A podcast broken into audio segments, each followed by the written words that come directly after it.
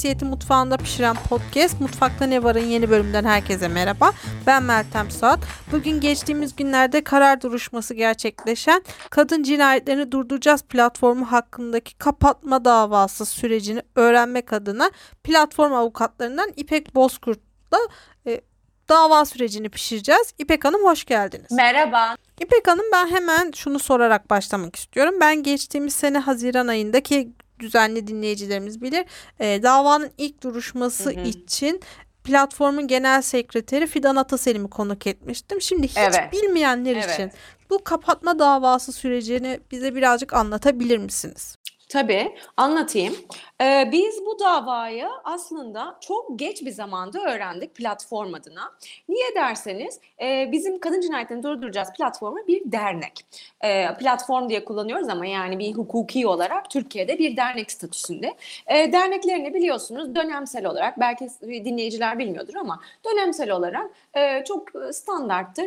İşte mali tabloları incelenir, e, işlemleri incelenir. Biz de e, kurulduğumuz zamandan beri düzenli olarak e, defterleri incelenen işte 2017'de, 2018'de, 2019'da incelenen bir e, derneğiz. Ve bu dernek incelemelerinde ortaya çıkan konular sadece böyle teknik, e, e, idari diyeceğim konulara ilişkin e, ihtilaflar oluyor. Bunların da giderilmesi için devlet süre veriyor. Biz de onları giderdik. Buralarda hiçbir sorun yok. Fakat ve bunlar çok eski tarihli e, şeyler, işler yani. Fakat e, 2000 yani 21 23'teyiz. 2020'nin son 2022'nin e, sonunda 2021'in aralığında hatta e, bizim e, platformumuza bir e, iddia bir dava açıldığına ilişkin bir tebligat geldi. Allah Allah bu neyin kapatması, kapatma davası deniyor. 2021 e, Aralık ayında, e, 2 e, Aralık 2021 yılında meğerse e, Cumhuriyet Savcılığı, İstanbul Cumhuriyet Savcılığı e, platformun kapatılması için bir e, davaname sunmuş, bir iddianame sunmuş ve bunu da alanda hemen e, mahkeme, e, Asliye Hukuk Mahkemesi bir kapatma davası açmış. Fakat şimdi biz dosyaya taraf olunca e, geçen sene Aralık ayında, e, geçen sene değil ya bir önceki sene Aralık ayında davayı öğrenince bir dosyayı incelemeye bir baktık. Aa o kadar bilmediğimiz, bizden habersiz, arkamızdan yapılan incelemeler olmuş, valilik yazışmaları olmuş, valilik sürekli e, bu dernek kapatılsın demiş, savcılığa göndermiş. Bir savcılık demiş ki yok canım bu derneğin kapatılmasına ilişkin hiçbir şey yok. Valilik hayır demiş. E, bizim yöneticilerimiz, üyelerimiz hakkında adli sicil kayıtlarına bakılmış, hangi eylemlerde gözaltına alınmışlar, ne olmuş. Yani bir hani bizim halk arasında fişleme denilen şey var ya. Onlar bütün onlar dosyalara girmiş. Yazışmalar olmuş. Savcılık hayır demiş ben dava açmayacağım demiş. Valilik bastırmış. Başka bir savcılık devreye girmiş filan. Ve biz bunların hiçbirinden haberimiz yok Ee, ve de bu dava açılınca öğreniyoruz ki savcılıkta şöyle bir gerekçeyle bir kapatma davası açmış. Derneğin amacına, kanuna ve ahlaka aykırı faaliyetler ve mevzuata aykırı faaliyet göstermek. Şimdi bu çok geniş bir kapsam gibi de bir talep gibi böyle bir açıklama gibi duruyor. E biz dosyaya bakıyoruz delil olması için yani amacımıza nasıl aykırı davranmışız, delili ne, kanuna ve ahlaka aykırı nasıl davranmışız, delili ne diye olarak dosyaya koyulanlara bakıyoruz. Bunun için hukukçu olmaya gerek yok. Ee, makul bir seviyede aklı olan herkes şunu sorar. Ne delil koymuşlar dosyaya değil mi? Biz de bunu sorduk. Ne delil var dosyada? Dosyadaki deliller de çok enteresan. Ta 2016, 2017 daha da önceki yıllarda e, bizim e, nafakanın süresiz olmasına ilişkin, e, Türkiye'de kadınların e, bu nafaka hakkının ne kadar hayati olduğunu anlatmak için nafaka tartışmalarına ilişkin yaptığımız, o dönemde yaptığımız sosyal medya çalışmalarına ilişkin CİMER'e yapılmış şikayetler var. Hep erkekler tarafından, boşanmış erkekler ve bunlar 5-6 tane e, inanır mısınız imlaları, e, hataları, gramer hataları birbirinin aynısı olan sayıca böyle aynı isimleri farklı işte Ahmet, Mehmet, e, Hikmet yazıyor ama hepsi aynı elden çıkmış bir takım şikayetler. Bizim e, derneğimizin yöneticileri bir takım üyelerimiz hakkında ta neredeyse üniversitede bile işte üniversite kapısında gittikleri e, anayasal haklarına ilişkin, eylemlere ilişkin o eylemden e, gözaltına alınanların ya da alınmayanların böyle bilgiler hani böyle bir suç, bir ceza, alınan bir ceza falan yok. O tip şeyler. Bir de biz Türkiye'yle Türkiye'de e, hapse atılan e, kadın siyasetçiler hakkında attığımız sosyal medya hesaplarımızdan, derneğin sosyal medya hesaplarına atılan tweetlerin görüntüleri. Bunlar. Dosyadaki deliller bunlar. Bu delillere dayanarak savcılık bir kapatma davası açmış. Bu davada 2021'in aralığından beri devam ediyor. Ee, ve evet e, 2023'e geldiğimiz bu zamanda e, dava yeni sonuçlandı. E, mahkeme e, derneğin kapatılması talebinin reddine karar verdi. İpek Hanım. E, bu davanın sizin de az önce bahsettiğiniz gibi asıl iddianameyi oluşturan deliller e, 2016 yılında eski adıyla o zamanki var olan Başbakanlık makamına bağlı olan BİMER'e yapılmış e, şikayetlerden oluşuyor. Ancak bildiğim kadarıyla BİMER hani şu an Cumhurbaşkanlığı İletişim Merkezi'ne devredildi ve Cimer adını aldı. Yani şunu merak ediyorum. Bimer e, nasıl hani Cumhur Cimer olarak değişti ya e, 2016'da var olan ve 2021 yılında var olmayan bir kurum adına nasıl e, şikayeti baz alınabiliyor? Bimer şu an yok. Hani olmayan bir e, kurumun nasıl e, şikayeti e, dava iddianamesini oluşturuyor. Böyle bir şey mümkün olabilir mi? De ben de 2017'den beri kadın cinayetlerini durduracağız platformuna üyeyim ve asıl davayı oluşturan dava açılma sebebi platformun Türk aile yapısını bozması ve e, yıkması olarak belirtiliyor. Yani ben platform üyesi olarak nasıl aile yapısına zarar verebiliyorum? e, birazcık bahsedebilir misiniz bu durumdan? Evet. BİMER yok. İşte BİMER'de yapılan şikayetleri toplamışlar. Ama zaten şu da var yani e, Meltem Hanım şu da çok komik diyeceğim, trajik komik. Bir 2016'da bu CİMER şikayet, BİMER şikayetleri diyeyim. Hadi yapılmış. Biz 2016'da derneğimiz incelenmiş. 2017'de incelenmiş. 2019'da incelenmiş. Bu incelemeler de eğer zaten derneğin, e, dernek e, birazcık dernek işleri yapan belki dinleyiciler bilir. Biraz e, dernekte bir sorun olsa zaten dernekler müdürlüğü derneğe hemen yazılar, çiziler gönderiyor. Bunu nasıl yaptınız, şunu nasıl yaptınız? Bizim öyle bir ihtarnamemiz yok. Kayıtlarımız düzgün. Zaten e, yani bağışlarla çok kısıtlı bağışlar, çok minik bir e, bütçeyle var olmaya çalışan bir derneğiz, bir platformumuz. Maliyetlerimiz de şöyle, biz Türkiye'nin her tarafından farklı farklı illerinde, kuzeyinde, doğusunda, batısında dava takip ediyoruz. Bu davalara giderken çoğunlukla tercih ettiğimiz otobüs masraflarımız var, uçak masraflarımız var, bazen çok uzun yerler oluyorsa. Bir de e, öldürülen kadınların, şiddet gören kadınların fotoğraflarının yer aldığı e, ve bütün eylemlerimizde e, kullandığımız dövizlerimiz, pankartlarımız var. Yani bizim zaten masrafımız bu. İşte e, kazancımız da sadece bunları e, bunları kıtı kıtına ele alabilecek bir kazanç. Yani mali açıdan da bir sorun yok, üyeler açısından da yok. Bu böyle. E, normalde şöyle olur. Eğer bir sorun olsa zaten bu konuda yazışma olmuş olması olur falan filan. Yani bir de bu işin arkadan arkadan yapılmış olmasına biz çok şaşırdık yani. Şunu da hem dinleyicilerimize hem size sormak istiyorum çünkü gerçekten merak ediyorum. Hem de bu duruma kim yol açıyorsa onların da vicdanına seslenmek istiyorum. Ee, bildiğim kadarıyla 14 Temmuz'da gerçekleşen TBMM Genel Kurulu'nda yeni bir infaz düzenlemesi kabul edildi.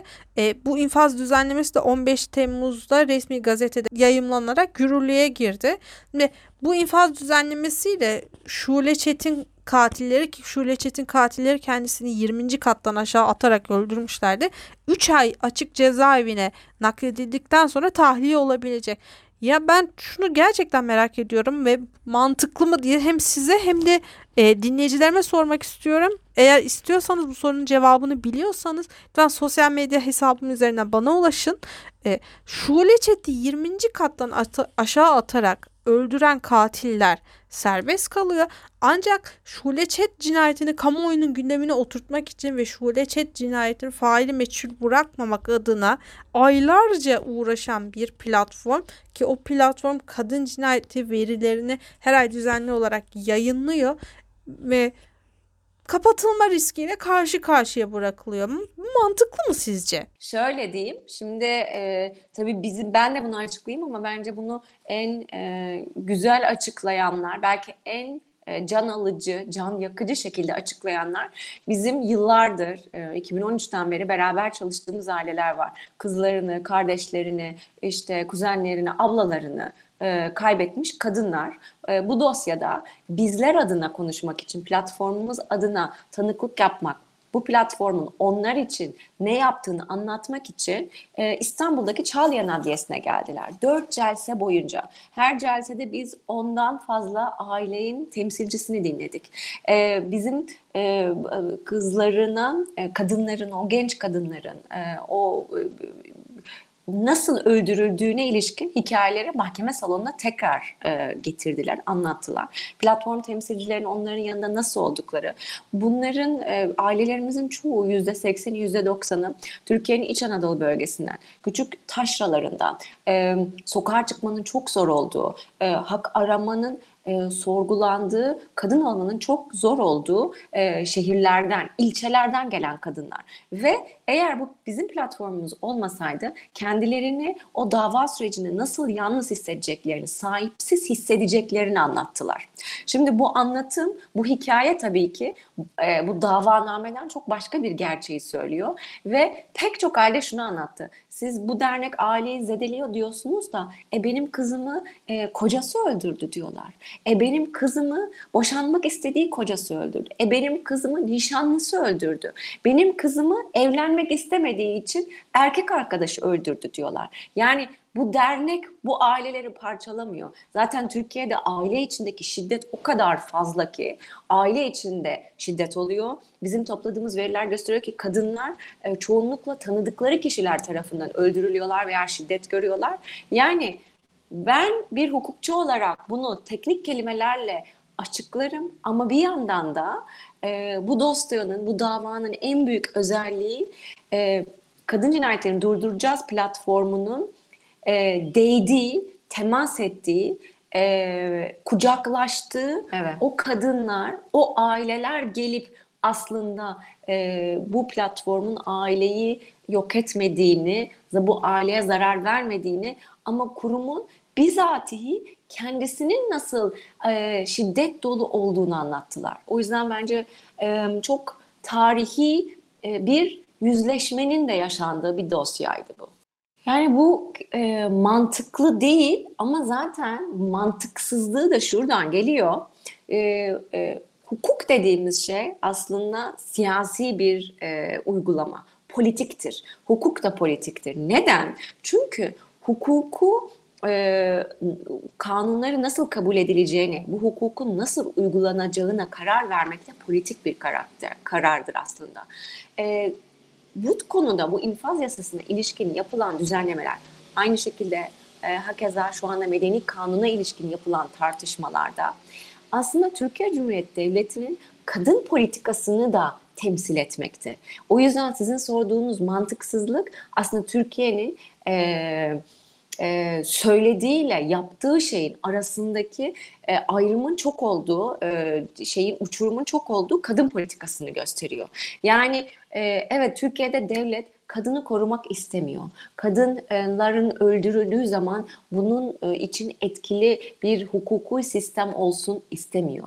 E, hukuk sistemi işte bu e, haksız tahrik indirimleriyle, pişmanlık e, indirimleriyle e, kadınları öldüren, kadına zarar veren kişileri affetmeye affetmek istiyor, affetmeye teşne. E, hu, politika neyse, siyaset neyse bu aynen e, hukuka da tercüme ediyor kendini. Hukukta da kabul edilen kanunlarda e, işte bu kadına karşı ayrımcı, toplumsal cinsiyet eşitsizliğinin altını derinleştirecek uygulamalar yapıyorlar. E, bu e, bir gün icra e, yani infaz kanununda yapılan değişikliktir. Başka bir gün medeni kanundadır. Başka bir gün anayasa mahkemesinin vereceği kararlardadır. O yüzden bunların hepsi birbirlerini tamamlayan ögeler çok mantıksız, hukuki açıdan çok sorunsal ama maalesef işte Türkiye'nin bu siyasi iktidarın kadın politikasını tas tamam da böyle. Yani şöyle, e, bu dava bir e, kamu hukukunun açtığı böyle bir enteresan bir e, yapısı var. Yani bu bir hukuk davası gibi ama savcılık makamı açıyor. Hukuk davası çünkü medeni kanun altında e, derneklerin hakları belirtiliyor. E, şimdi burada bu dava bitti fakat istinaf yolu açık. E, bu istinaf yolunda açık olanlar işte savcılık makamı acaba istinaf eder mi? Evet böyle bir hakkı var. Peki İpek Hanım mutfağımıza konuk olduğunuz için çok teşekkürler. Sizinle sohbet etmek çok keyifliydi. Ben teşekkür ederim. Çok sağ olun. Çok teşekkürler. İyi yayınlar. Çok sevgiler. Sağ olun. Mutfakta Ne Var'ın bir bölümün daha sonuna geldik. Mutfakta Ne Var'ın geçmiş bölümlerini yeniden dinlemek ve yeni bölümlerimizden haberdar olmak için bizleri Spotify, iTunes ve Google Podcast kanallarımızdan takip edebilirsiniz. Ayrıca Daktilo 1984'ün diğer içerik ve yayınlarına göz atmak için web sitemizi ziyaret etmeyi, son olarak YouTube kanalımıza abone olup katıl butonuna tıklayarak bizleri desteklemeyi unutmayın. Hoşçakalın.